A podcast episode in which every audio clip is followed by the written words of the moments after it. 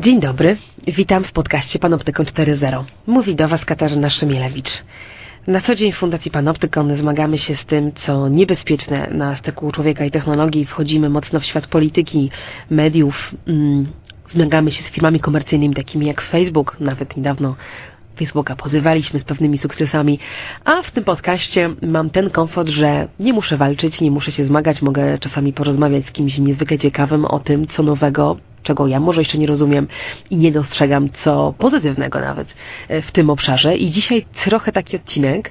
Korzystam z tego, że do Warszawy przyjechała grupa polskich naukowców, naukowczyń z całego świata, którzy zajmują się naukami społecznymi. To jest pierwszy zjazd Concilium Civitas. Mm, jednym z tych osób, jedną z tych osób jest sam dr Michał Kosiński.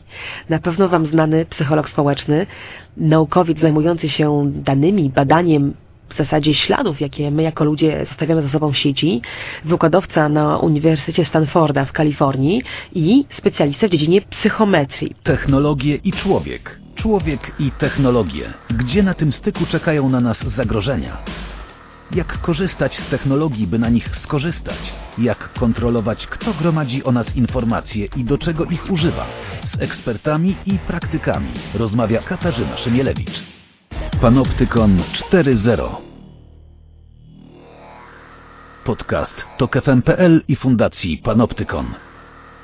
Michale, może zacznijmy od podstaw, od psychometrii właśnie. Czym jest owa psychometria? To Brzmi groźnie, co? Psychometria. Brzmi jak jakaś nowa nauka, która uzurpuje sobie miejsce w świecie nauk. Może, może jeszcze nie mają do tego prawa. Nie, psychometria nie jest bardzo niegroźna i każdy z nas ma doświadczenia z psychometrią, jak kiedyś miałeś kartkówkę z geografii albo z matematyki, to jest to po prostu psychometria. Jest to technika, która pozwala nam, czy to jest to zespół technik, które pozwalają nam zmierzyć e, różne rzeczy, które się znajdują w głowie. Od wiedzy geograficznej poprzez inteligencję, poprzez osobowość do poglądów politycznych i tak dalej. No właśnie, ale pytanie, co jest mierzalne? Ja zajrzałam do Wikipedii, która wydaje mi się być sceptyczna wobec psychometrii e, i pisze tam, e, e, mamy, mamy tam coś takiego, że psychometria umożliwia ujęcie zachowania jednostki w postaci pomiaru liczbowego, dzięki czemu daje nadzieję, nadzieję, podkreślam, na obiektywny i naukowy opis człowieka. No właśnie, czy to nie jest niebezpieczne etykietowanie jednostki i takie usztywnianie naszego myślenia o tym, co to jest inteligencja? Przecież też emocjonalna, różne rodzaje inteligencji. Co to jest y, profil profil psychologiczny? Czy nie masz poczucia, jako przecież psycholog społeczny, że człowiek jednak jest zbyt złożoną, złożonym bytem, żeby go tak numerycznie opisać? Oczywiście, że jesteśmy bardzo złożonym bytem, ale e, wszystko to można zmierzyć.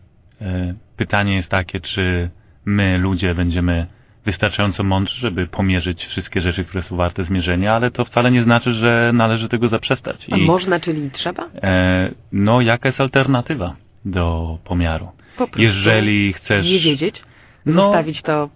Wróćmy do przykładu, wróćmy do przykładu kartkówki z geografii. Mhm. Myślę, że jest e, to bardzo oczywiste, że jeżeli chcemy dbać o to, żebyśmy się wszyscy uczyli dobrze w szkole, żebyśmy mieli pewność, że żadne dziecko nie jest zostawione e, e, za klasą, e, że nauczyciele starają się tą wiedzę przekazać poprawnie, że warto by tą wiedzę od czasu do czasu mierzyć, także po to, żeby dać uczniom nagrodę e, w okay, postaci dobrego wyniku. Chyba jest mniej kontrowersyjne, na pewno dla mnie, choć oczywiście można było otwierać całą dyskusję, której dziś nie otworzymy o tym, czy testy w edukacji to jest, to jest to najlepsze narzędzie, e, ale przecież nie o wiedzy tu rozmawiam. rozmawiam najlepsze nie jest, ale pytanie jest takie, czy macie coś lepszego, bo bardzo jest łatwo krytykować e, e, różne podejścia do na przykład pomiaru. Bardzo jest łatwo wytknąć, że one mają swoje wady i oczywiście mają. Tym się zajmuje psychometria. Zajmuje się mm. badaniem wad takich pomiarów i staraniem się skorygowania tych, skorygowania błędów. tych błędów. Więc bardzo łatwo jest krytykować, tylko zawsze trzeba się przy krytyce trzeba wziąć pod uwagę, jaka jest alternatywa. Testy psychologiczne nie są perfekcyjne jaką mamy dla nich alternatywę. No dobrze, wróćmy do tego po co. Jest dla nas chyba jasne, po co kartkówka z geografii, y, po co próbuje się ustalić profil psychometryczny człowieka, czyli jego cechy charakteru? Dobrze to od, odtwarzam, tak? czy, może też powiedzmy to w takim razie wyraźnie, co dokładnie mierzy psychometria, która, co dokładnie mierzy profil psychometryczny? W bardzo podobny sposób do pomiaru kogoś umiejętności czy wiedzy dotyczącej geografii, czy umiejętności matematycznych, można mierzyć e, inne cechy psychologiczne, takie jak na przykład osobowość. E, przykładem tutaj może być e, na przykład ekstrowersja, która jest wymiarem, który odróżnia ludzi, którzy lubią czas może spędzać bardziej samemu na czytaniu książek czy pracy z komputerem, a na drugim, po drugiej stronie, po stronie ekstrowertycznej Będą to ludzie, którzy lubią czas spędzać z innymi na rozmowie, w, w otoczeniu innych ludzi. Mogąc zmierzyć taką cechę charakteru, e, często możemy to zrobić bardzo wcześnie w życiu człowieka, można takiej osobie doradzić, jaką karierę e, ludzie tego typu mm. e, zwykle się w tej karierze dobrze spełniają. Oczywiście nie znaczy to, że jeżeli jesteś introwertykiem, że pewne e, drogi kariery czy drogi edukacyjne powinny być dla Ciebie zamknięte. Absolutnie nie. Ale myślę, że odpowiedzialnością naszą jako społeczeństwa jest to, żeby na przykład młodym ludziom w tym kontekście pomagać, e, wykorzystując wiedzę, którą mamy, obserwując ludzi, którzy na przykład mają już karierę za sobą, patrząc na kogoś, kto właśnie przychodzi na emeryturę, badając jego osobowość i patrząc na rzeczy, którą w życiu robił, czy ona w życiu robiła i rzeczy, które, z których ta osoba dana była zadowolona lub nie, możemy potem tą wiedzę przekazać następnym pokoleniom i do tego psychometria w dużej mierze służy. No w, tym, w tym scenariuszu, w którym pomagamy, kluczowe dla mnie byłoby upewnić się, że kontrolę ma ten, komu pomagamy. Czyli to ta osoba, której próbujemy pomóc, po pierwsze decyduje, czy w ogóle wchodzi e, w bycie pomaganą, czy w ogóle chce, żeby ktokolwiek wiedział tak dużo o jej osobowości czy charakterze. Ja tylko używam wymiennie, nie wiem czy mogę, bo nie mam tu przygotowania psychologicznego, ale ty też to chyba zostawiłeś, więc na razie tak będę robić. Czy, czy ktoś obserwuje mój charakter, moją osobowość po to, żeby mi pomóc, czy obserwuje po to, żeby mnie zmienić w sposób, którego ja bym sobie nie życzyła, albo żeby mnie ocenić i jakoś nakierować, na przykład na ścieżkę kariery, która dla tej osoby, która mnie obserwuje, tej firmy, już przechodząc w kierunku tego, gdzie to się realnie dzieje, e, tej firmy, która mnie obserwuje, ona może mieć interes komercyjny w tym, żebym po prostu no, zachowywała się optymalnie, tak? Czyli wybrała, na przykład jako pracownik wybrała taką ścieżkę kariery, która dla, tej, dla tejże firmy jest, jest e, opłacalna, ale dla mnie niekoniecznie, bo mogę być typem e, introwertyka, który chce ewoluować, który chciałby nauczyć się być bardziej otwarty, bardziej społeczny, bardziej wchodzący w interakcje i mogę nie mieć takiej szansy, jeżeli ten, kto mnie ocenia, ma inny interes. I, clue, myślę, całej tej rozmowy krąży dziś wokół tego, kto kto kieruje badaniami psychometrii, kto na nich rzeczywiście zyskuje i kto jest tym obserwującym. Jest nim często na przykład Facebook, prawda? Twoje badanie badania doprowadziły cię do, do firmy, do firmy, jaką jest Facebook, bo to ona ma dziś najwięcej danych, danych psychometrycznych. Można tak powiedzieć, że lajki to są po prostu dane psychometryczne? No jest to bardzo ciekawa myśl, która, e, która jest podstawą moich badań. E, I kiedy ja zaczynałem te badania, nie była to myśl popularna. Myślę, że dzisiaj ludzie są coraz bardziej do niej przyzwyczajeni, zarówno e, ludzie poza psychologią, jak i psychologowie, że zamiast mierzyć różne cechy osobowości przy pomocy testów, e, testów takich jak kartkówka z geografii albo jak kwestionariusz osobowości, możemy Mają mierzyć... zaletę, że ja wiem, że jestem mierzona, przynajmniej, Dokładnie. prawda? I możesz też odmówić udziału w takim pomiarze. No czasami nie możesz, jeżeli na przykład są to egzaminy wstępne na uczelnię, no możesz odmówić, tylko wtedy mm. nie dostaniesz miejsca na uczelni, ale w wielu wypadkach możemy albo odmówić udziału, albo możemy mieć kontrolę nad tym, jakie odpowiedzi w takim kwestionariuszu e, udzielamy. E, ale okazuje się, że dużo lepszym potencjalnie sposobem pomiaru jest obserwowanie zachowania ludzi i w przeszłości było to bardzo trudne.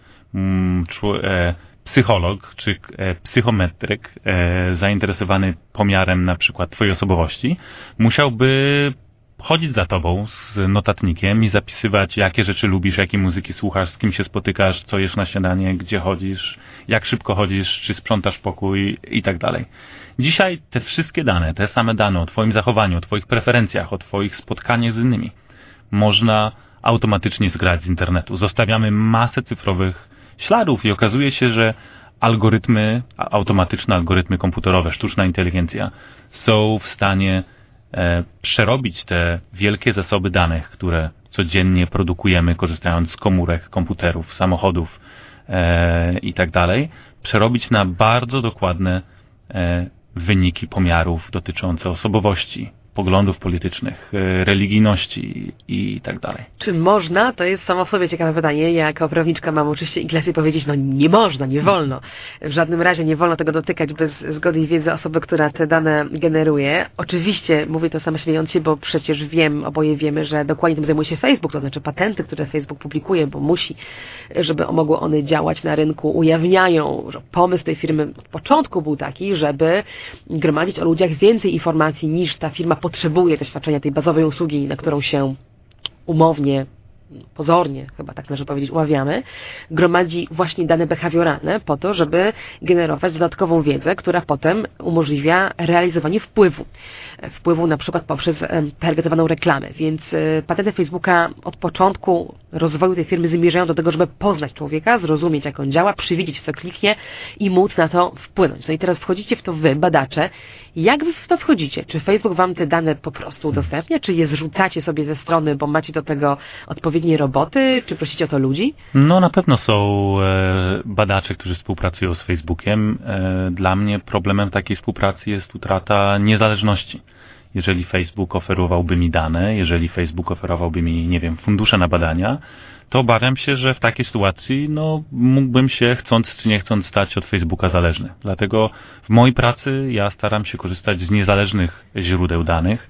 E, w przypadku moich badań nad Facebookiem e, poprosiłem e, uczestników badań swoich internetowych, żeby dali mi dostęp do swojego konta internetowego i bardzo dużo ludzi zgodziło się współpracować ze mną w tych badaniach. Miałem ponad 6 milionów e, wolontariuszy, którzy e, nie tylko odpowiedzieli Jak na masę. przekonałeś? No, przekonałem ich grzecznie prosząc i dając im dostęp do fajnych kwestionariuszy osobowości kwestionariu i innych kwestionariuszy szczęśliwości czy inteligencji. I w zamian za ten dostęp, bez zmuszania także ludzi, ale tutaj z kolegami na uczelni, poprosiliśmy, czy, e, czy, czy byliby ludzie gotowi w zamian dać nam dostęp, wgląd w to, co się dzieje u nich na Facebooku. Oczywiście nikt osobiście nie zaglądaliśmy na te facebookowe profile osobiście, tylko mieliśmy po prostu skrypty komputerowe, które z pozwoleniem takiego użytkownika zgrywały część e, danych profilowych. Oczywiście te dane były anonimizowane żeby do tego użytkownika no, nie można było w żaden sposób e, powrócić i e, potem dzięki takiemu dostępowi do danych, niezależnemu dostępowi od Facebooka i tej szczodrości wielu milionów osób byliśmy w stanie badać, jak algorytmy mogą przewidywać prywatne cechy z, z lajków, z, z, z rzeczy, które ludzie na Facebooku publikują. I oczywiście, jak wspomniałaś wcześniej, takie e, algorytmy, które mogą dowiedzieć się do nas więcej na podstawie naszych śladów cyfrowych, e, mają swoje wady i mają swoje zalety. Ja oczywiście w swojej pracy dużo czasu spędzam na tym, żeby ostrzegać ludzi przed e, wadami, ale myślę, że warto może na początku rozmowy wspomnieć, że większość tego to są zalety. Obiecuję, że o to zapytam wprost, ale jeszcze chciałam Cię zatrzymać przy przy samym badaniu, żebyśmy wszyscy dobrze zrozumieli, na czym dokładnie to polegało. Czy ja dobrze to stwarzam, że dzięki temu, że mieliście zarówno testy, które ludzie wypełniali świadomie, e, testy psychologiczne i dostęp do ich lajków, mogliście stworzyć korelację między wynikiem testu, a tym, co wynika z historii zachowania tej osoby. A więc wychodziło Wam z testu, o, oto jest nasz typowy ekstrawertyk i cztery, tak, inne cechy, bo mówimy zasadniczo o tej wielkiej piątce. Mamy y, pomiar, do tego pomiaru przymierzamy porównujemy zachowanie tej osoby wyrażone w lajkach między innymi, czy tylko w lajkach? No, w niektórych badaniach zajmowaliśmy się tylko lajkami, mhm. ale w innych badaniach patrzyliśmy też na zdjęcia, które ludzie mają na Facebooku, patrzyliśmy na e, statusy, który, które są ustawiane na Facebooku, one są podobne do e, tego, co ludzie publikują na Twitterze. E, patrzyliśmy nawet na ilość znajomych, czy rodzaj znajomych, bardzo różne parametry i mhm. okazuje się, że no myślę, że to jest e, właściwie bardzo intuicyjne, że jeżeli jest ważna cecha charakteru, cecha charakteru ważna mogła być zdefiniowana jako cecha, która wpływa na nasze zachowanie. I okazuje się, że jeżeli taka ważna cecha charakteru wpływa na nasze zachowanie, ona będzie troszeczkę wpływała na każde, na każde nasze zachowanie. Każdy parametr. Który... Czyli ilość znajomych, które mamy, także i jacy to są znajomi, czy są znajomi starsi od nas, czy młodsi, czy są to znajomi tej samej płci, czy może płci przeciwnej, jakie mają poglądy polityczne ci znajomi, ilość lajków, co konkretnie lubimy, czy lubimy raczej książki, czy filmy, jakie filmy, jakie książki. Wszystkie te parametry e, naszych śladów cyfrowych, one są w bardzo małym stopniu, każdy z osobna jest w bardzo małym stopniu skorelowany z naszymi cechami, ale jeżeli patrzymy na setki czy tysiące takich parametrów naraz, to nagle okazuje się, że algorytm jest w stanie bardzo e, dokładny profil takiej osobowości e, wytworzyć. I dam Ci tutaj przykład. Wyobraź sobie anonimową osobę. Nic o niej nie wiemy. Mhm. A ta osoba na Facebooku e, polubi e, sportowe samochody. Mhm. Jaka jest płeć tej osoby? No, stereotypowo obstawiałabym, że mężczyzna. No, bardzo jesteś e, stereotypowo tutaj nastawiona i masz rację. Okazuje się, że znaczna, statystycznie pewnie 98 czy 99% ludzi, którzy lubią sportowe samochody na Facebooku, są to mężczyźni. Czyli znając ten jeden fakt o osobie, że ona polubiła sportowe samochody, możesz z dużą dokładnością określić danej osoby płeć, ale okazuje się, że, my, że mężczyźni, którzy lubią samochody sportowe, mają też troszeczkę inne, inne cechy. Pewnie poglądy polityczne, religijne i tak dalej. To są rzeczy, które znowu nie przekładają się aż tak czysto na lubienie sportowych samochodów jak płeć. Ale jeżeli e, mamy kogoś 10, 20, 100 czy 1000 lajków, a ludzie mają tych lajków całą masę, e, okazuje się, że można takie prywatne cechy charakteru bardzo dokładnie Dobrze, więc wy mając kilka milionów osób, które weszły w to badanie, byliście w stanie stworzyć w oparciu o, o porównanie wyników testów i analizę tych parametrów, o których rozmawiamy, mm, wyciągnąć model. Tak? Stworzyć model, który mówi, który pozwala, tak ja to rozumiem, skoryguj mnie, jeśli rozumiem błędnie, który może być przełożony teraz do każdego innego człowieka. Czyli tu już nie jesteśmy w teście. Wychodzimy poza eksperyment, poza badanie, w którym ludzie świadomie wzięli udział, choć szczerze mówiąc nie jestem przekonana, czy rozumieli konsekwencje e, badania. To nie jest krytyka, tylko po prostu moje gdybanie, na ile człowiek biorący udział w czymś takim wiedział, że przyczynia się do dość przełomowego odkrycia, które może być potem, e, tak słyszałam takie opinie, trochę taką bombą atomową w, w, w świecie marketingu. Ale do tej no, bomby atomowej może jeszcze Wejdę wrócimy. w słowo, jest to, e, muszę przyznać, że całą masę życia ostatnimi czasy zabiera mi tłumaczenie się z tego, że takie badania robię i ludzie zapominają o tym, że ja tych technologii nie wymyśliłem. Hmm, Te technologie na rynku były od wielu lat. E, długo przedtem, zanim ja opublikowałem jakiekolwiek ze swoich badań, Facebook miał patent na dokładnie takie algorytmy, które hmm, przewidują tak. osobowość tak. zachowań internetowych i e, ja, znowu powiem, tych technologii nie wymyśliłem, zajmuję się badaniem czym takie technologie nam mogą pomóc i w czym nam takie technologie mogą zagrozić. I no niestety ciągle się okazuje, że jako ten e, posłaniec, który przynosi społeczeństwu wieści, że tu są pewne tak, zalety, ale są wiadomość. też pewne wady, że no ludzie po prostu natychmiast tego słońca strzelają i winią go potem A, za ciekawe, Analytica. Jeszcze, jeszcze, jeszcze, jeszcze dygresja, czy ktokolwiek z tych, którzy brali udział w badaniu y, wracał do Was? Zdarzało się, że ludzie wracali i mówili, ale jak to? To jest to badanie, które udowodniło, że z lajków można wyczytać moją orientację seksualną? Jak to? By, były takie reakcje, czy to są tylko media, a, a ludzie w zasadzie nie mieli takiego problemu. Głównie dostajemy bardzo dobry, e, bardzo dobre opinie. Ludzie nas, dlatego w naszych badaniach biorą udział, że po prostu e, lubią nas i jak jest 6 milionów osób, to oczywiście mieliśmy kilka osób, które napisało nam list z prośbą o usunięcie z bazy mhm. danych i oczywiście takie osoby z bazy danych usunęliśmy. No największym problemem jest to, że ponieważ znowu ludzie nie rozumieją, że ja tych technologii nie tworzę, tylko przed nimi ostrzegam, czy je badam. E, że no wiesz, miałem, miałem e, tygodnie, kiedy miałem policjanta u siebie na korytarzu na uniwersytecie, który pilnował moich drzwi, bo tyle przychodziło gruźb śmierci mhm. E, wow. do uniwersytetu, że no po prostu było niewesoło przez długi czas, ale myślę, że co, co było w tym pozytywne wszystkim, to to, że ja z każdą taką osobą, okazuje się w ogóle, że osoby, które wysyłają groźby śmiertelne do, Aha. to nie są zwykle osoby najbystrzejsze. Często wysyłają one to ze swojego konta e-mailowego, gmailowego, którym jest imię, nazwisko na gmail.com. jak Więc- na koniec. Więc jest bardzo, więc y, ze wszystkimi takimi osobami, które wysłały wiadomość z prawdziwego adresu e-mailowego, ja e, starałem się im odpowiedzieć i podziękować za opinię, ale także poprosić, że może zanim tutaj, wiesz, przyjdą z pistoletem, to żeby może przeczytali mój artykuł, a nie tylko jakieś tam opinie w internecie kogoś, kto nie Mhm. był dobrze poinformowany i muszę przyznać, że około trzech czwartych e, z tych e, ludzi, którzy chcieli mnie widzieć martwym, to e, przeprosiło mnie później i zostało pewnie dużymi zwolennikami. Bardzo często do dzisiaj na Twitterze widzę, że że bronią teraz e, mojego imienia, orientując się, że no, strzelali we, w złą osobę. Mm, jasne. Ja myślę, że naszym słuchaczom nie trzeba tłumaczyć tego, że nie masz nic wspólnego z Cambridge Analytica i że nie byłeś osobą, która brała udział w jakikolwiek sposób, wspierała kampanię Donalda Trumpa, czy w ogóle wykorzystanie praktyczne tych technologii, choć no, w mojej ocenie to, że wasze badania naukowe potwierdzają skuteczność tych metod, nie krytykuję tego, że to robicie, ale rozumiem, że fakt, że taka wiedza się pojawia na rynku, wspiera również taki marketing, tak? Czyli zachęca, na pewno może wpływać motywująco na i sztaby wyborcze, i firmy komercyjne, które mówią, świetnie, dzięki tym naukowcom wiemy, że to naprawdę działa, więc po prostu będziemy pakować więcej pieniędzy, więcej inwestycji w to, aby takie modele e, psychometryczne mm, wykorzystywać. Kasiu, masz rację i myślę, że to jest taki paradoks, e, z którym każda osoba, która chce ostrzegać społeczeństwo przed czymś się zmaga.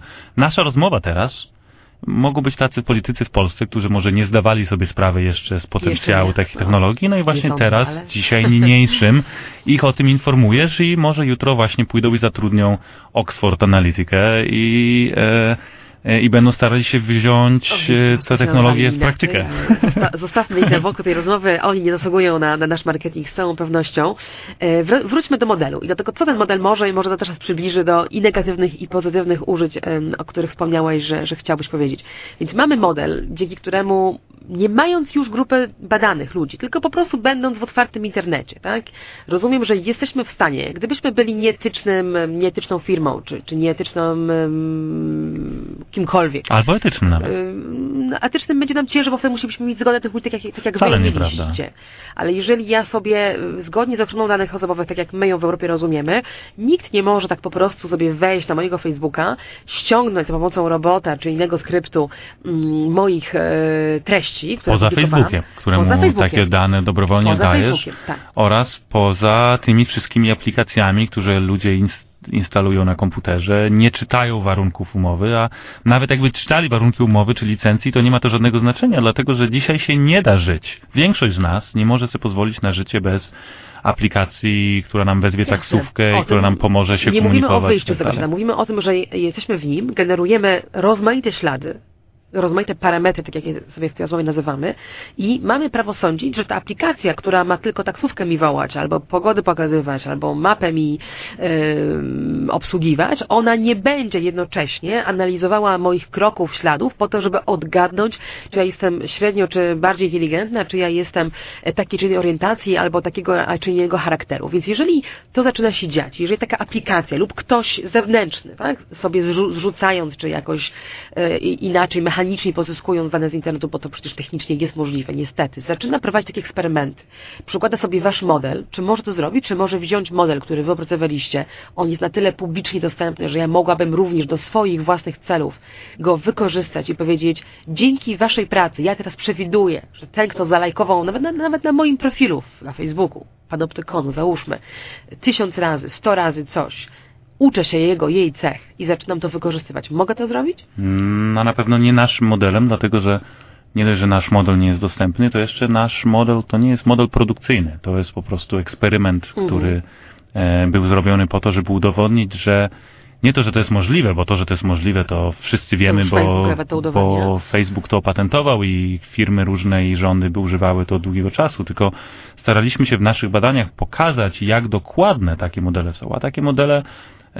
można stworzyć bardzo prosto, jeżeli masz troszkę danych, to, e, a firmy tych danych Mają. mają, bardzo dużo, e, to e, dosłownie, wiesz, w ciągu kilku minut, i to nie trzeba mieć tej zaawansowanej wiedzy, najprostszymi narzędziami statystycznymi czy e, machine learning, e, można takie modele stworzyć. Są to bardzo standardowe rzeczy. To nie, my tu Ale nie odkryliśmy je do Ameryki. czegoś przyłożyć, prawda? W swoim badaniu brali udział e, prawdziwi ludzie, którzy wcześniej wypełnili testy. Jeżeli ja nie mam takich badań ze sobą i mam tylko te lajki, Mhm.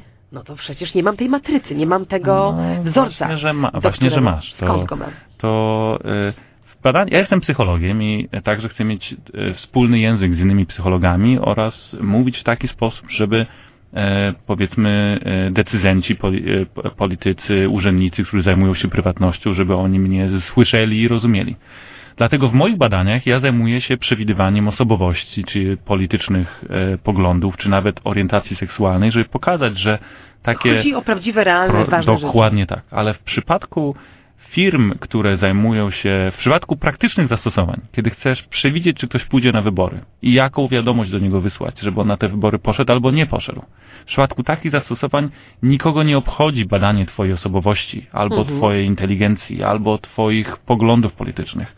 W przypadku takich praktycznych zastosowań algorytm jest wykorzystany do tego, żeby przewidzieć to zachowanie, w które dana firma czy instytucja celuje. Nie obchodzi ich, jakie to cechy psychologiczne predysponują cię do tego Moje zachowania. kolejne badanie, które mm, dla mnie było niezwykle ciekawe, Aha. e, prowadzone zdaje się na współpracy z firmą, która produkowała kosmetyki, tak, dla Aha. kobiet, e, wykazało, że wiedząc to, czyli wiedząc jak ta kobieta myśli, jaki ona ma profil Mhm. psychometryczny, możemy namówić ją do kliknięcia w reklamę, tudzież kupienia tego kosmetyku z dużo większą skutecznością, bo trafiamy z komunikatem lepiej. I też to Trump, czy też jego ekipa, e, to dokładnie raportowała po, po wyborach jako swój sukces, że dzięki temu, że wiedzieli, czy ktoś lubi broń, czy jej nie lubi, czy ktoś jest otwarty, czy zamknięty, Mhm. jakie ma, jaki ma charakter, mogli dobrać e, taką z wielu tysięcy wersji reklamy politycznej, która była bardziej skuteczna. Przecież to o to mogli. chodzi. Tak, ale to jest, wiesz, to jest wszystko znaczne e, upraszczanie tego i e, tracenie dużej... E,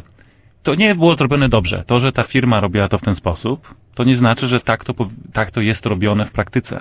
W Mhm. praktyce, znowu powiem, Facebooka nie obchodzi, jaką mamy osobowość, bo Facebook może sobie naszą osobowość opisać nie przy pomocy wielkiej piątki, tylko wielkiej pięćsetki, czy Mhm, pięćtysięczki. Może po prostu opisać nas w postaci nie pięciu wymiarów, a tysięcy parametrów. Te parametry, one dla człowieka nie będą zrozumiałe. Dlatego ja oczywiście mógłbym zrobić badania wykazujące, że te parametry możemy dokładnie przewidzieć, ale te parametry by się wtedy nazywały parametr 77 i który odpowiada temu, że reaguje w dwie sekundy krócej niż ktoś inny na, coś tam. tekst dokładnie. Dokładnie. I to nie pobudza wyobraźni, ale Mhm. to nie pobudza wyobraźni, ale w praktyce Ale to tak działa. jest to dużo bardziej skuteczne niż Rozumiem. używanie wielkiej chcesz piątki. powiedzieć, jeżeli to dobrze rozumiem, odtworzę to, bo to wydaje mi się być bardzo ważna obserwacja, e, chodzenie poprzez ustalenie, droga poprzez ustalenie realnych cech mego charakteru, stałych cech jest drogą naokoło. Firma, która po prostu chce mnie przekonać, żebym gdzieś kliknęła, gdzieś poszła, coś zrobiła, nie musi podróżować tak daleko, nie musi iść e, tak daleko, żeby ustalić, jaki ja mam charakter. Ona może wybrać sobie parametr, 10 parametrów, które najlepiej charakteryzują zachowanie, o które je chodzi, na przykład zakupowe. To, że ja klikam na czerwone i kupuję czerwone i płacę trochę więcej niż ktoś inny Mhm. i na tym się skoncentrować, tak naprawdę nie ustalając, czy ma, jest tu korelacja z moją ekstrawersją, introwersją, czy czymś innym, bo to jest dla niej wiedza zbyteczna. Zbędna zupełnie. Znaczy, Ale korzysta z tych korelacji. Nie. Nie musi Model jest nie ten musi sam. tego nazywać, ale model jest ten sam. Dam Ci inny przykład. Możemy pokazać, że sztuczna inteligencja może człowieka ograć w szachy. I nawet w go. I w go też. I to pobudza wyobraźnię. Ale przecież celem stojącym za tymi ludźmi, którzy te systemy tworzą, nie jest to, żeby stworzyć sztuczną inteligencję, która wygrywa z tobą w szachy, tylko celem jest, żeby stworzyć sztuczną inteligencję, która wygrywa z rakiem, albo wygrywa wojny, albo wygrywa gospodarcze pojedynki. To, że w gazetach się pisze o tym, że sztuczna inteligencja wygrywa w szachy z człowiekiem, to jest tylko po prostu dowód na to, że no, trzeba te problemy uprościć, żeby przeciętny naukowiec taki jak ja, albo przeciętny człowiek te problemy zrozumiał i, e, i się nimi przejął. Wielka Piątka jest jakimś uproszczeniem. E, Wielka Piątka cech charakteru e, osobowości, które, które wypromowaliście jako możliwe do ustalenia dzięki lajkom. Mówienie o tym, że to chodzi o, właśnie nie chodzi, że możliwe jest ustalenie naszego poziomu inteligencji, naszego poziomu otwartości na świat, czy naszej orientacji seksualnej, to jest, jak rozumiem, marketing pewnego pomysłu, który w praktyce przebiega inaczej. Firmy, które to robią, nie ustalają kim ja jestem, tylko jak ja zareaguję. Robił to w sposób bardziej skuteczny i bardziej skomplikowany. I wiesz, wielu, znowu, to tutaj troszeczkę straszymy, ale oczywiście takie technologie mają potencjalnie wielkie zalety i są używane. 99% aplikacji takich technologii to jest dla dobra ludzkości i dla dobra każdego z nas. Posłuchaj, psychologowie oceniają ludzi używając wielkiej piątki i może jeszcze inteligencji, może jeszcze kilku wymiarów, może dziesięć wymiarów w sumie. My siebie nawzajem oceniamy podst na podstawie stereotypów. Nawet ludzi, których dobrze znamy, także wkładamy w naszej głowie do różnych małych szufladek, mhm. a to jest kobieta z dzieckiem, samotna matka, albo e, albo to jest pracocholik, który ma problem... Albo to jest bogaty facet, bo jedzie czerwonym samochodem. Dokładnie. Patrz, opisujemy sobie ludzi za pomocą kilku łatek. Z punktu widzenia algorytmu, który prowadzi Facebooka albo Google'a, możemy tą samą osobę, czy ten algorytm opisuje tę osobę nie na podstawie 7 czy 10 łatek, które im przypina, tylko ją opisuje na podstawie dziesiątek tysięcy potencjalnie, nawet nie tylko łatek, ale wymiarów. Mhm. I można, z, nie, nie można, tylko trzeba zrozumieć, że w ten sposób ten algorytm opisuje nas w sposób bardziej ludzki i bardziej skomplikowany. Może I mniej bliższy, ludzki, ale bliższy prawdy. Bliższy prawdy, bliższy tym, kim temu, kim naprawdę jesteśmy, niż nawet my sami często siebie postrzegamy, bo my siebie też postrzegamy przez pryzmat e, różnych e, życzeniowego myślenia i pamięci, która nam czasami pomaga zapomnieć o rzeczach, które, z których nie jesteśmy dumni i też mamy na swój temat różne stereotypy. Teraz Facebook czy e-mail, e, Gmail nie zapomina o e-mailach, które napisaliśmy 15 lat temu i nie zapomina o tym, co inni do nas e, piszą. E, nie ma też problemu, żeby opisać nas tylko na podstawie siedmiu łatek, e, bo nie ma ograniczeń, które ludzki mózg ma, tylko można sobie opisać w postaci tysięcy różnych wymiarów. E, pełna zgoda. E, Fundacja Panoptykon w pewnym momencie podjęłam się takiego karkomnego projektu, żeby pokazać tego Facebooka, jakoś ludziom go przybliżyć i stworzyliśmy wspólnie z e, przyjacielem, artystą Vladanem Jolerem taką mapę fabryki algorytmicznej Facebooka, która jest mapą, która dobrze wygląda, wydrukowana 5 na 5 metrów, bo to jest dosyć duże i ona oddaje tylko część patentów, które Facebook stosuje, ale właśnie e, jej celem było pokazanie tego, co wchodzi do tej maszyny, co z niej wychodzi, czyli naszych śladów cyfrowych, które tam wrzucamy, chcąc, nie chcąc, tak? Często poza naszą wiedzą one są obserwowane. E, cech, które Facebook próbuje ustalać, których oficjalnie jest kilkaset, nieoficjalnie, tak jak mówisz, to idzie w grube tysiące, a pomiędzy jest ta maszyna, która buduje korelację, która mówi, aha, cztery razy skręciła w lewo na tym, na tym skrzyżowaniu, to jest jakiś wzór, czyli tak zwykle tutaj skręca. No i właśnie, wróćmy do tych wzorów i do tego, czemu one mogą służyć w praktyce. E, ja jako osoba, jako konkretna jednostka, która może o sobie myśleć, tak chyba lubimy o sobie myśleć, że jesteśmy unikatowi, nietypowi, jakoś zakłócamy te wzory, może czuć się no, niekomfortowo z tym, że ktoś zbudował wzorzec, czy to byście wy naukowcy w tym momencie pozytywna postać, czy to jest Facebook, dla mnie akurat niekoniecznie pozytywna postać w tej grze, mm, czy jakaś inna firma, zbudowała model, z którego wynika, że ktoś, kto 15 razy skręca e, w lewo na tym skrzyżowaniu, to, e, to jakąś inną cechę też wykazuje. Na przykład chodzi często do sklepu, w którym kupuje, e, nie wiem, droższe albo tańsze towary, tak?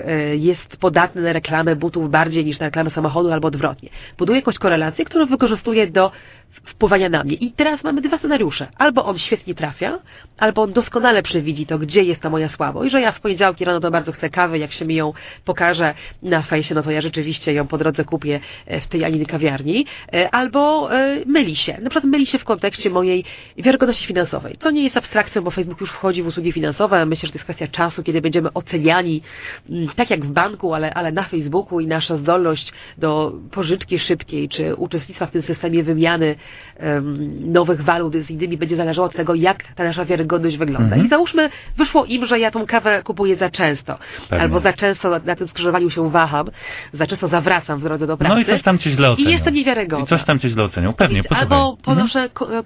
albo i za, za każdym razem w zasadzie jest problem. Dokładnie albo tak. trafili mi świetnie, tak. albo mnie cenili źle. Dokładnie tak. Zgadza się, tylko pewnie, żaden algorytm nie jest perfekcyjny i każdy algorytm jest pewne, będzie czasami popełniał błędy. Nie ma czegoś takiego jak perfekcyjna decyzja, która, czy perfekcyjny decyzent, który zawsze się, Ale zawsze ma rację. trafi, może to być dla mnie bolesne. Posłuchaj, zawsze trzeba tylko jednak rozpatrzeć na to, jaką mamy alternatywę. Wiemy na pewno, że algorytmy na przykład, które badają ludzi zdolność kredytową, nie są perfekcyjne. Wiemy na pewno i czasami popełniają błędy. Ale wiemy też z całą pewnością, że alternatywa dla tych algorytmów, czyli na przykład urzędnik bankowy, mhm. jest decyzentem, który podejmuje decyzje dużo gorsze. W oparciu o te umowne 7 łatek, o których mówiłeś Dokładnie. Wcześniej. I więc myślę, że zastępowanie na przykład ludzi, którzy, a każdy z nas jest, e, w pewn, jest uprzedzony. Być może tylko nie zdajemy sobie z tego sprawy, ale każdy z nas jest uprzedzony. Każdy z nas e, ma, podejmuje decyzje, które są nie fair. Ciągle. I ci z nas, którzy sobie z tego zdają sprawę, to podejmują różne działania, żeby temu zapobiec. I jednym z takich działań jest zastąpienie ludzi, którzy są z zasady, z e, bardzo prostych psychologicznych powodów. Ludzie, którzy są e, nie fair, za, za e, zastępowanie ich algorytmami, które też nie będą perfekcyjne, ale możemy to już dzisiaj wykazać, nauka może to dzisiaj bardzo wykazać prosto, że takie algorytmy popełniają mniej błędów i są bardziej fair i bardziej uczciwe i bardziej mniej uprzedzone e, na przykład do różnych grup społecznych, czy różnych płci, czy różnych e, grup wiekowych niż e, decyzenci ludzcy. Głębie ostrożne są z tą diagnozą, że już tak jest. Mamy mm, przykłady choćby z Ameryki, w której, w której ty pracujesz, y, Stanów Zjednoczonych, gdzie pojawił się na przykład algorytm y, system zwany Kompas, który miał wspierać bodajże sędziów, tak, w decyzjach mm -hmm. o tym, kogo wypuścić z więzienia mm, warunkowo, a kogo nie i tam oczywiście wyszły potworne stereotypy, dlatego, że dane, na których ten algorytm się mógł uczyć, Aha. były jeszcze przesycone tymi wcześniejszymi Kasiu, przepraszam, że ci przerwę, bo tutaj właśnie robisz dokładnie ten sam błąd logiczny, który my wszyscy robimy ze mną włącznie, cały czas. Mianowicie patrzymy na algorytmy i mówimy, posłuchaj, te algorytmy nie są perfekcyjne, robią błędy. Tragedia. Może być, coś może być nieperfekcyjne, coś może być złe, ale dużo lepsze niż alternatywa. I nawet niż sama w swoim zdaniu wspomniałaś, popatrz, te, te algorytmy w Stanach były trenowane... Nauczyły się na danych, które wynikały z decyzji człowieka. Dokładnie. I te decyzje człowieka, to jest dowód, nawet w tym zdaniu jest dowód, że te mm. decyzje człowieka były bardzo niedobre, bardzo nie fair, bardzo nieuczciwe.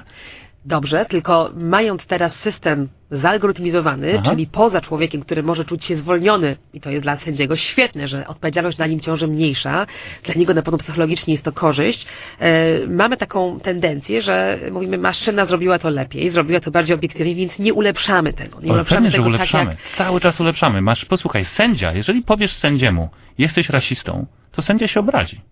Jeżeli powiesz maszynie, jesteś rasistą, proszę się natychmiast tutaj poprawić, maszyna nie ma z tym żadnego problemu. Co więcej, jeżeli mamy sędziego, często bardzo trudno jest w przypadku ludzkich decydentów zmierzyć to i skorygować, w jaki sposób oni są uprzedzeni. Co więcej, każdy człowiek będzie uprzedzony w trochę inny sposób.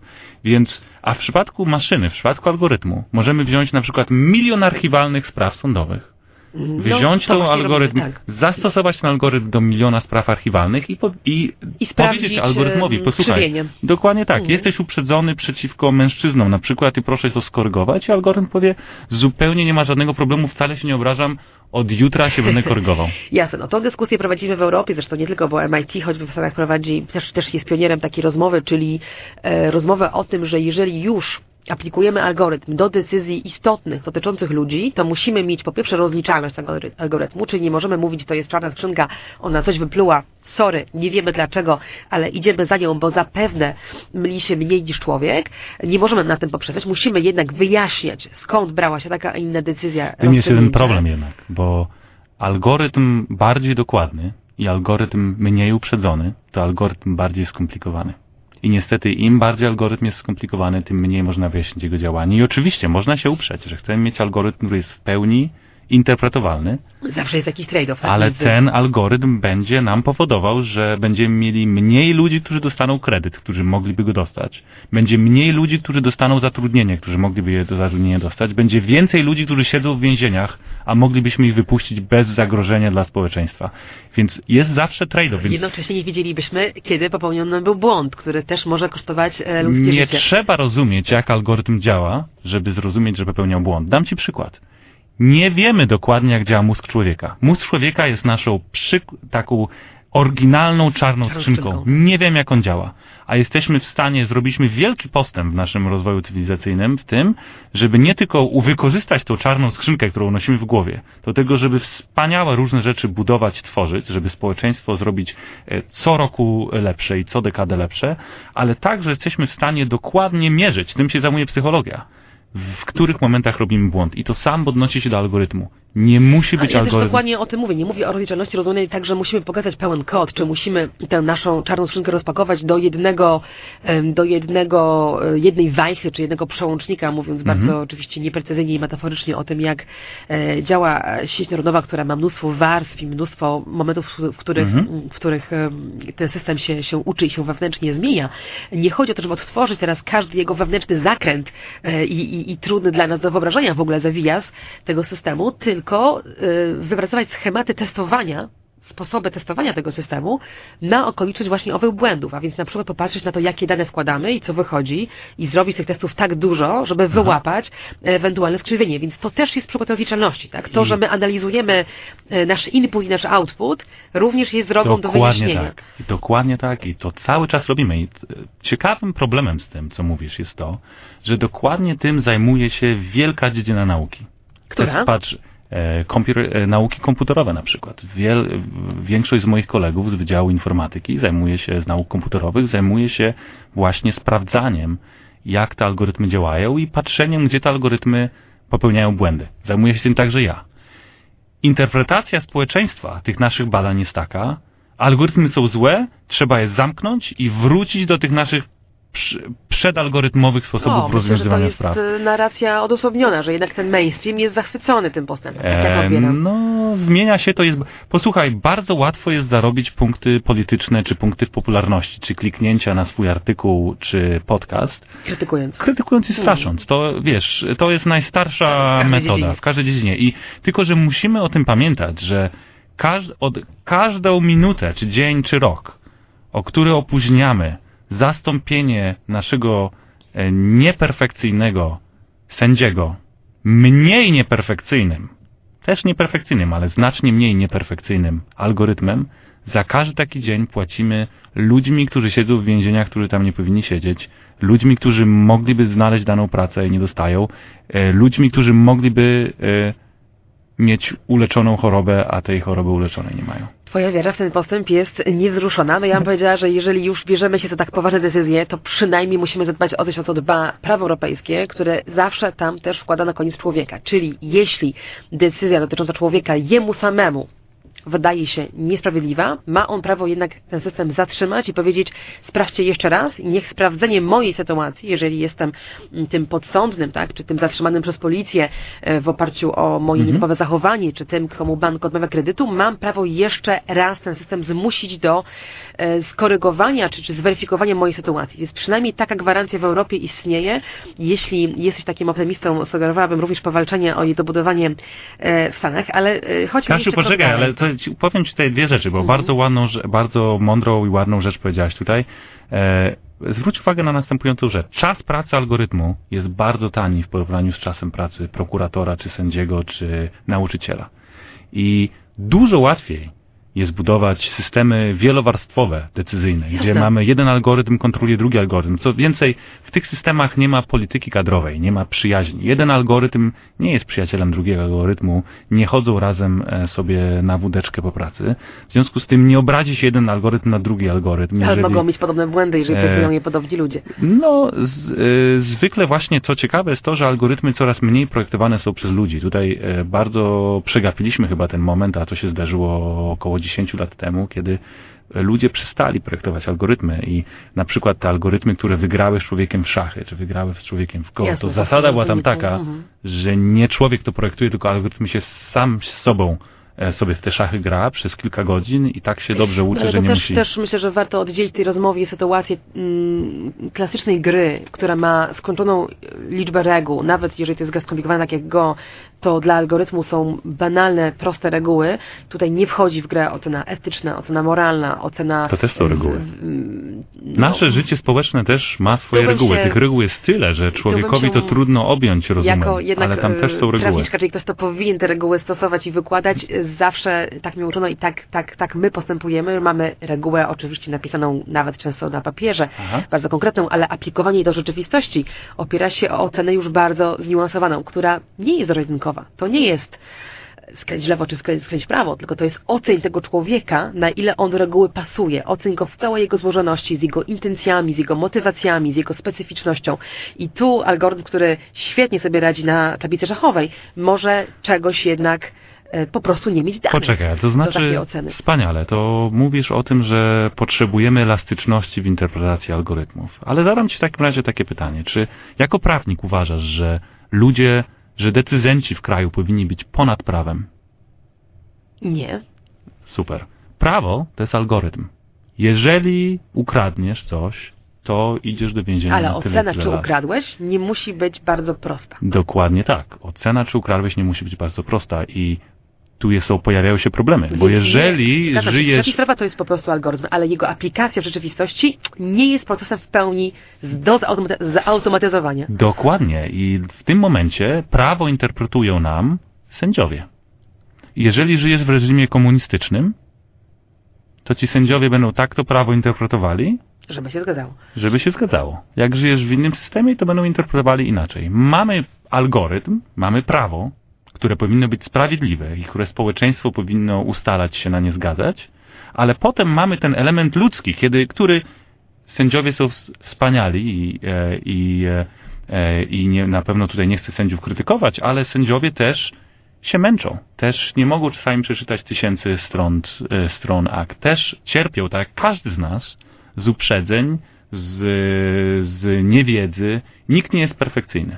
I to powoduje zgrzyty w systemie. To powoduje, że czasami skazany zostanie człowiek w sposób drugiej nieuczciwy, strony, zbyt surowy albo tego sędziego mm, umowną maszyną, która ma ograniczoną liczbę danych dostępną do tego, z czego się uczy i, i, i też nie, potrafi, nie potrafimy dzisiaj odtworzyć w pełni jej logiki jej Aha, decyzji, ale sędziego też nie jesteśmy w stanie otworzyć logiki, również nie, ale więcej, możemy przynajmniej go zakwestionować, możemy z nim porozmawiać. Możemy też z algorytmem. Dlaczego To samo możemy zrobić z algorytmem. I co więcej, co więcej, jeżeli mówisz, że algorytm ma ograniczony zespół danych do nauki, człowiek ma ograniczony zespół e, za, zasób danych do nauki. W naszym życiu możemy tylko i wyłącznie zapoznać się z daną ilością e, danych. E, o tych danych różnych, o naszej wiedzy zapominamy.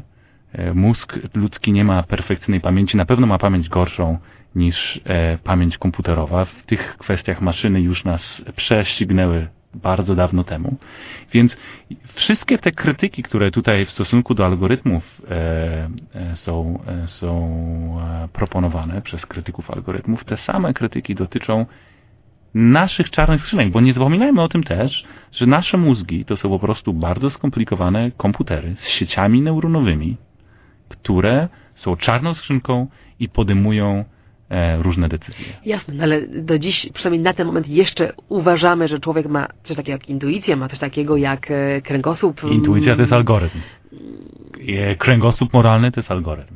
Etyka to jest algorytm. I co więcej, dobrze sobie jako psycholog, psy, psychologia nas uczy od wielu lat, jak wiele z tych podstawowych cech człowieka, z, tych, e, z tej intuicji na przykład, jak często ta intuicja powoduje błędy, które są bardzo często przyczyną katastrof wielkich ludzkich. Jak często nasze instynkty, na przykład instynkt tego, żeby swoją grupę e, rodzinną chronić, powodują nam katastrofy w postaci wojen, nacjonalizmów, obozów koncentracyjnych i tak dalej. Jasne, posługujemy się przestarzanym algorytmem, jakimś naszym e, elementem gadzim w mózgu, który nie jest do końca racjonalny. No, zgoda, przy czym e, nie mówię jako psycholog, bo nie mam tego, e, tego przygotowania. Mm, mówi to jako człowiek, który jest bardziej przywiązany do swojej czarnej skrzynki niż pokłada ufność w nowych czarnych skrzynkach, że te cechy, które człowiek wykształcał jednak w drodze ewolucji, ten system 2 tak, naszego mózgu, który no, ma korygować nasz, nasz, nasze gadzie instynkty, jednak mam cały czas wiarę w, w to, że on tam posiada pewną pewną e, unikatowość, czy pewną jakość, której jeszcze maszyna nie potrafi e, skopiować, więc... Posłuchaj, e, zupełnie się z tobą zgadzam. Na pewno gadzi mózg. Na pewno patrzą na nas gołębie i mówią, zobacz, jak te algorytmy tego rodzaju drugiego, typu drugiego.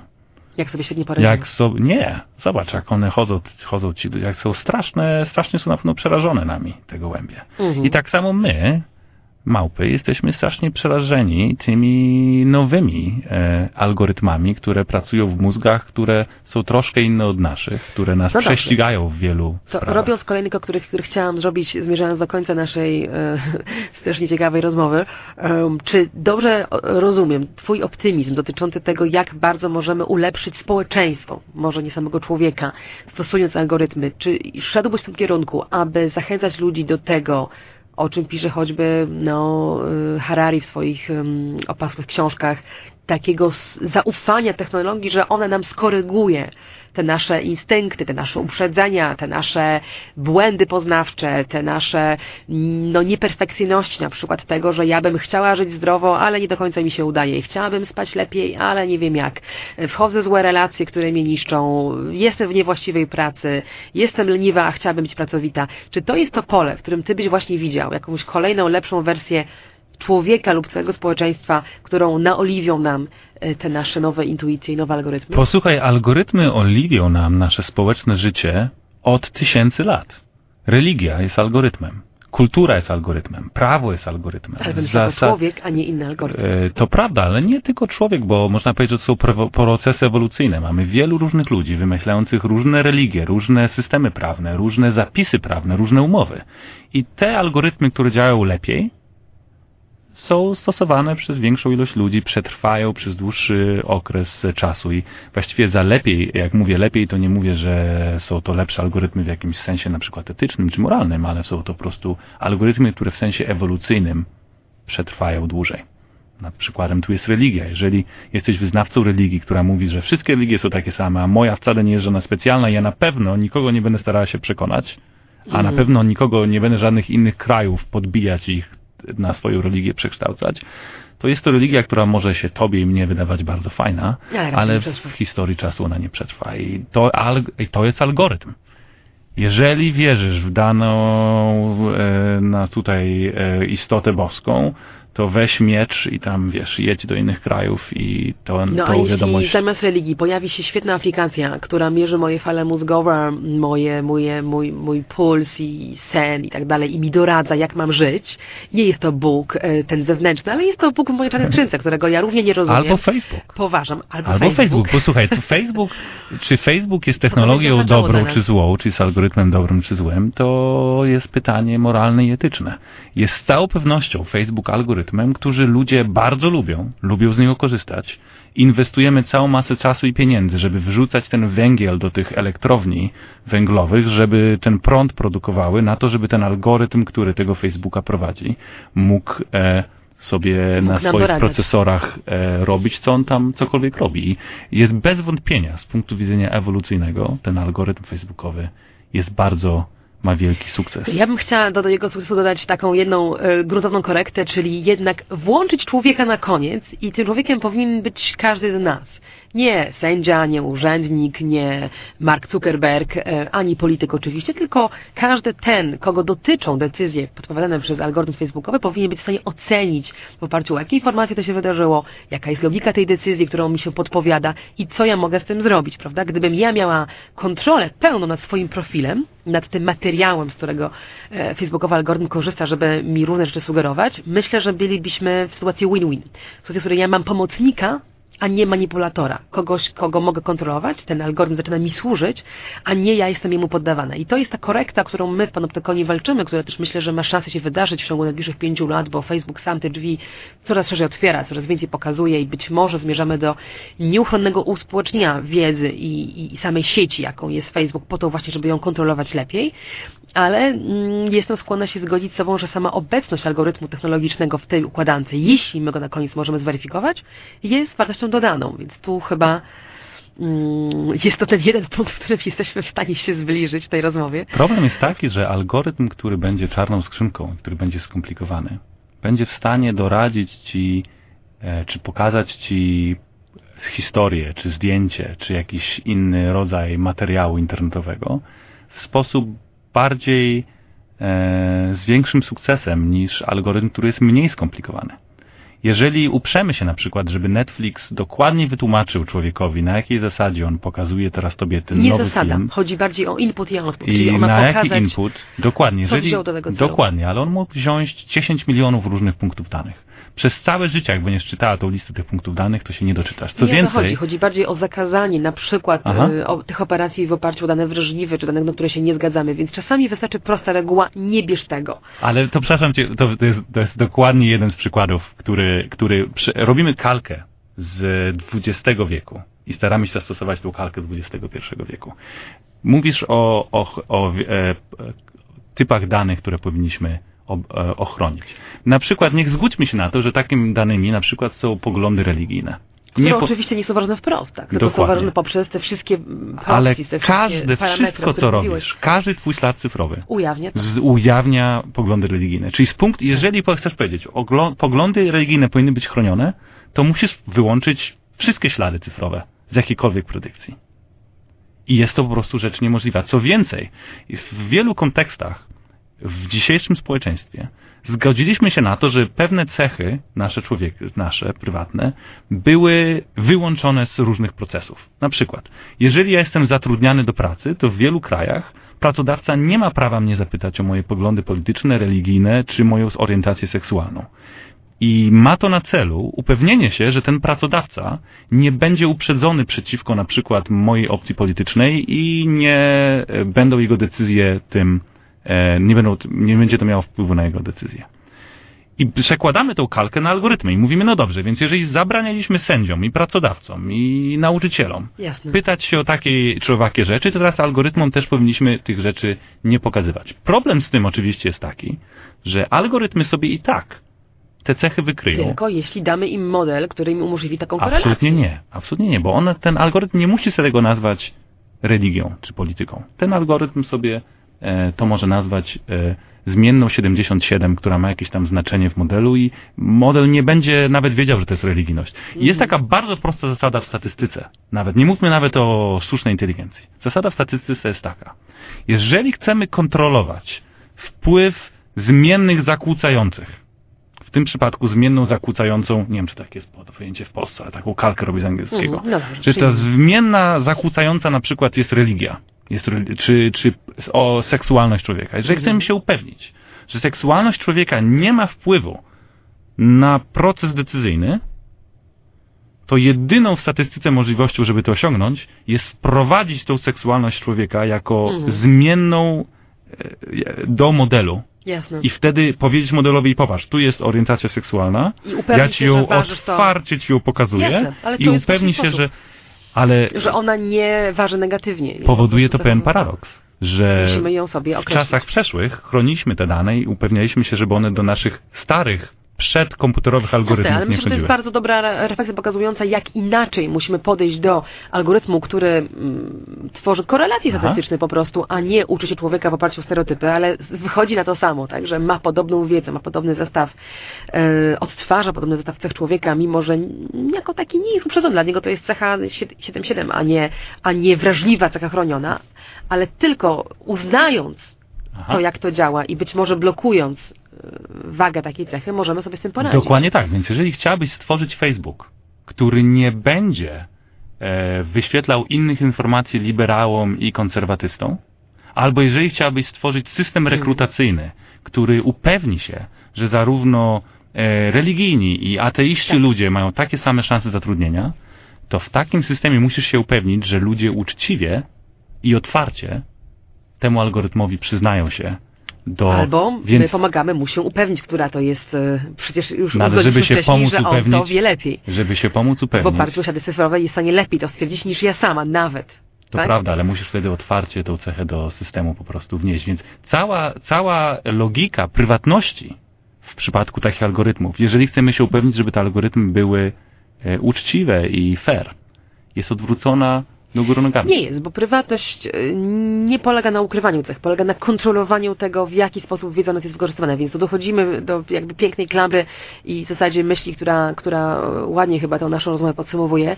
No nie mamy szansy się ukryć w tym systemie, nie mamy też chyba takiej intencji, żeby wyjść z niego i wyprowadzić z niego swoje dane, ale myślę, że to, o czym rozmawiamy, pokazuje, że stawki w tej grze są niezwykle wysokie.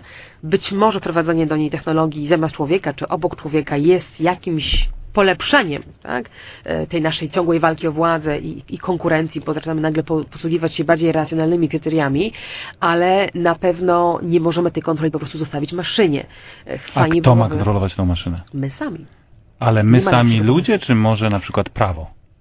Prawo próbuje to robić, mamy takie reguły. E, Pewnie jest to ten materiał na, nawet na pewno na, na inną rozmowę, e, może w trochę innym też składzie, ale e, reguły, które mają, mają, mają za zadanie nam taką autonomię mm, zachować i, i, i ochronę danych zapewnić w Europie akurat mamy dość niezłe, dość elastyczne, które obejmują... Czyli mamy prawo, które jest algorytmem, które chcemy teraz stosować do kontroli innych algorytmów. Czyli tworzymy system, tak. w którym Mniej więcej algorytmy tak. Kontrolują. Algorytmy. Tak, ale ten, to brakujące ogniwo to często jesteśmy my sami kompletnie zagubieni w tym systemie, którzy patrzymy na Facebooka jak na czarną skrzynkę, nie próbując wejść głębiej w rozmowę z nim powiedzieć halo, halo, z tych 300 zmiennych ja wyłączam te 5, bo mam do tego prawo. Więc myślę, że taka korekta w mojej opinii byłaby, byłaby ciekawa. Ciekawa są to psycholodzy społeczni, czy ludzie chcieliby takie decyzje podejmować, ale może to już dzisiaj zaparkujmy. Cieszę się, że mogliśmy głęboko zanurkować w świat y, algorytmów, y, predykcji y, i psychometrii. Ze mną był dr Michał Kosiński, specjalista w tej dziedzinie. Dziękuję Ci Michale, że zgodziłeś się porozmawiać tak odważnie. Dzięki. Bardzo Be- Bez cenzury. Dla mnie również Katarzyna Szymielewicz żegna się z Wami.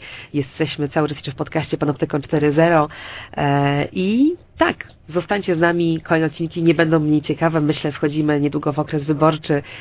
Będzie o czym rozmawiać również e, w kwestii danych i kontroli nad, nad władzą oraz e, kondycją naszej demokracji. Zapraszam, do usłyszenia. Technologie i człowiek. Człowiek i technologie. Gdzie na tym styku czekają na nas zagrożenia? Jak korzystać z technologii, by na nich skorzystać? Jak kontrolować, kto gromadzi o nas informacje i do czego ich używa? Z ekspertami i praktykami rozmawia Katarzyna Szymielewicz. Panoptykon 4.0 Podcast TokFM.pl i Fundacji Panoptykon.